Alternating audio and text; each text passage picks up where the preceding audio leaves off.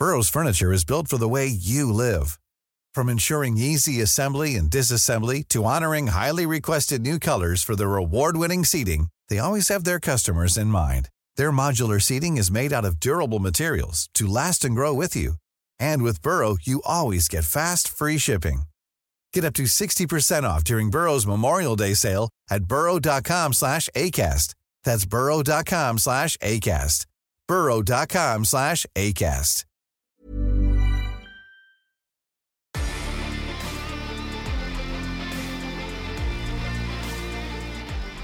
Jag tänkte stämma upp i en liten julsång, men jag tror att våra lyssnare helst slipper höra mig sjunga. Men det är den 4 december, löjtnant, och det är snart jul. Mm. Hur, Som- utveckla, hur utvecklar sig julen för dig?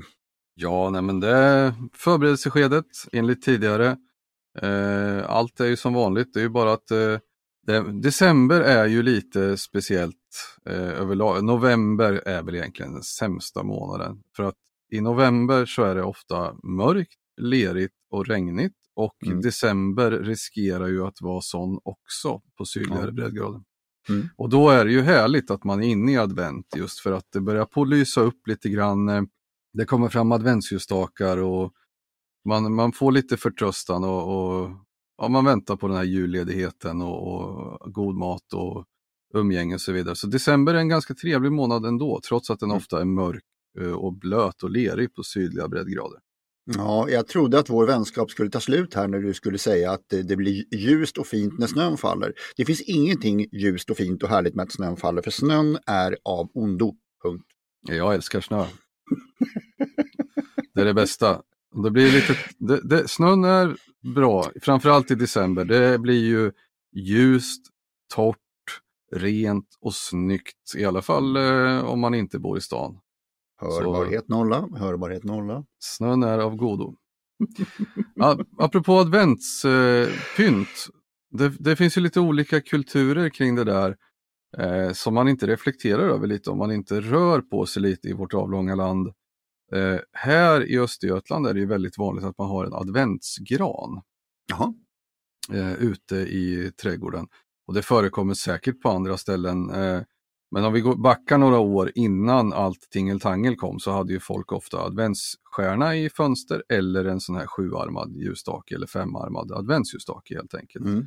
Eh, sen hade man ju sin vanliga på, på bordet, den här med fyra ljus där man tänder ett, första advent och så vidare. Mm. Eh, men sen här har det alltid förekommit adventsgran. Det är helt enkelt en vanlig julgran man ställer utomhus och sätter ljus i, men inget, Mm. annat, inget annat pynt. Okej. Eh, väldigt vanligt förekommande, men om man rör på sig lite i, i landet så märker man att det kanske inte är lika vanligt förekommande på andra platser. Nej, okej. Nej, kul. Men nu för tiden är det ju rena tivolibelysningarna i, i olika Alltså jag, jag, eh, jag tycker att alltså fick jag bli diktator så en av de första sakerna jag skulle göra som, som diktator i Sverige skulle vara att deportera alla som har jobbat med p-böter någonsin. Och samma sak med kl- klungcyklisterna, det vet du ju. Men just det här med stark diodbelysning i jul, alltså det måste vara någon form av mysigt. Det får inte vara de här lasergrejerna som snurrar och så är det massa julgrejer som rör sig i trädgården. Eller julpynt som är starkt. Det måste vara Alltså, vi kan prata Kelvin, ljustemperatur, det ska vara mysigt. Mm, det ska vara mysigt. Eh, vi kan konstatera att vi är emot som, sånt eh, överlag. Med få undantag. Det finns, eh, det finns faktiskt ett hus, eh, det finns säkert på fler, eller det finns garanterat på fler platser, men det finns ett hus här i, i, i socken som har en ljusshow som man kör och det tycker jag är okej. Då åker man ju specifikt dit. Ja. Sen, sen rattar man in en frekvens på sin eh, radio i bilen Mm. och då spelas det musik, julmusik, eh, Mm. Som sänds då lokalt och eh, sen så är det en ljusshow eh, med julbelysning som tajmar till musik och sånt och det är ju väldigt uppskattat. Mm. Mm. Ja. Så det tycker jag att det är ett, ett undantag. ja, apropå undantag, ska vi ta och öppna dagens lucka? Det gör vi. För den öppnar vi inte någon annan dag än idag. Nej. och då öppnar vi lucka nummer fyra och vi hittar en Nils Oskar alkoholfri julöl. Okej. Eh, väldigt, väldigt god. en bra, bra, bra alkoholfritt alternativ. Den här är ju en svensk, svensktillverkad, Nils Oskar. Och det är, eh, det är ale, brown ale. Ja. Ja. Nej, men som sagt, ett eh, bra, bra alkoholfritt alternativ. Eh, en, en god julöl helt enkelt. Mm. Prova, prova den. Absolut. Och det här med alkoholfri öl, de, då kan man ju tycka så här att ja, men löjtnanten han brukar alltid säga att eh, han inte tycker om lättöl och så vidare.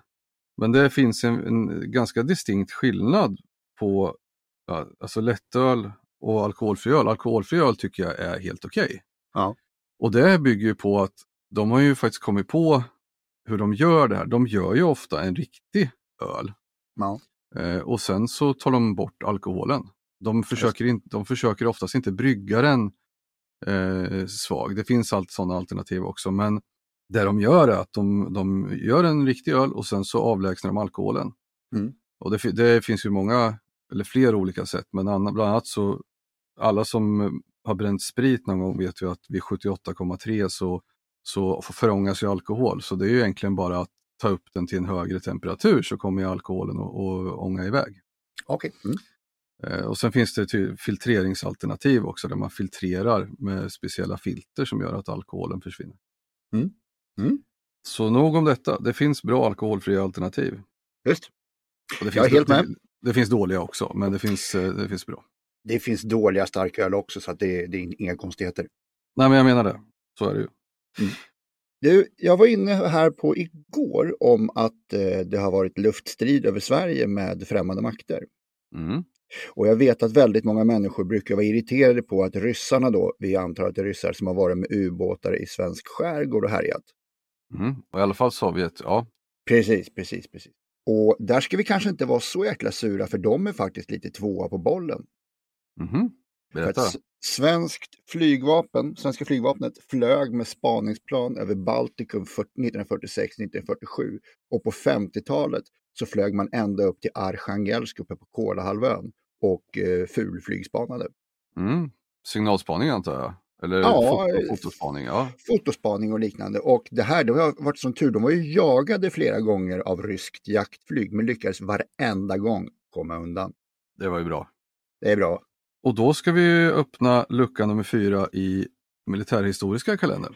4 december 1967 så börjar striderna i Mekongdeltat där eh, amerikanska och sydvietnamesiska militärer träffar på Vietkong där för första gången. Och det här är ju krig, det är, det är strider som verkligen gör avtryck i historien, Mekongdelta-striderna. Mm.